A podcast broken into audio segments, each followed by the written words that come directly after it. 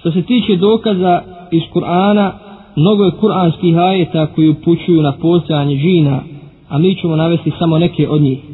Kaže uzvišeni Allah Đelešanuhu Kul uhija ilaja annahu stama'a nafarum minal džinni faqalu inna sami'na Kur'anan ajaba Reci, meni je objavljeno da je nekoliko džinova prisluškivalo i reklo mi smo doista Kur'an koji izaziva divljenje slušali. Dokaz iz sunneta za postojanje džina bilježi muslim od Abdullaha ibn Masuda radijallahu anhu da su jedne noći bili sa Allahovim poslanikom sallallahu alaihi wasallam koji se te noći izgubio. Nakon što se vratio, rekao im je, došao mi je džinski glasnik sa kojim sam otišao i učio im Kur'an.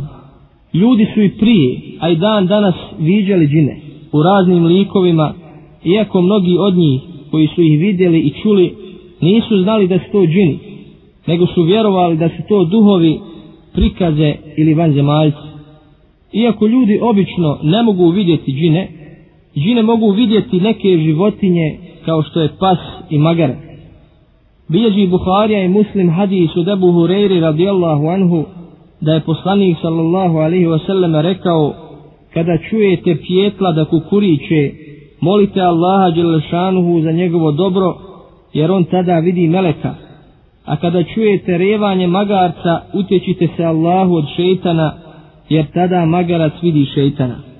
Jedan manji dio ljudi u potpunosti negira postojanje džina.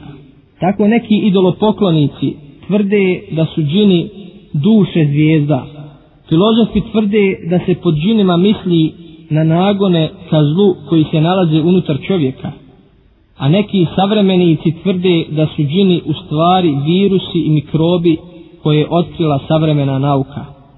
Sve su ovo neistine za koje ne postoji nikakav dokaz ni utemeljenje, a istina je postojanje džina kao zasebnog svijeta za što smo prethodno naveli dokaz.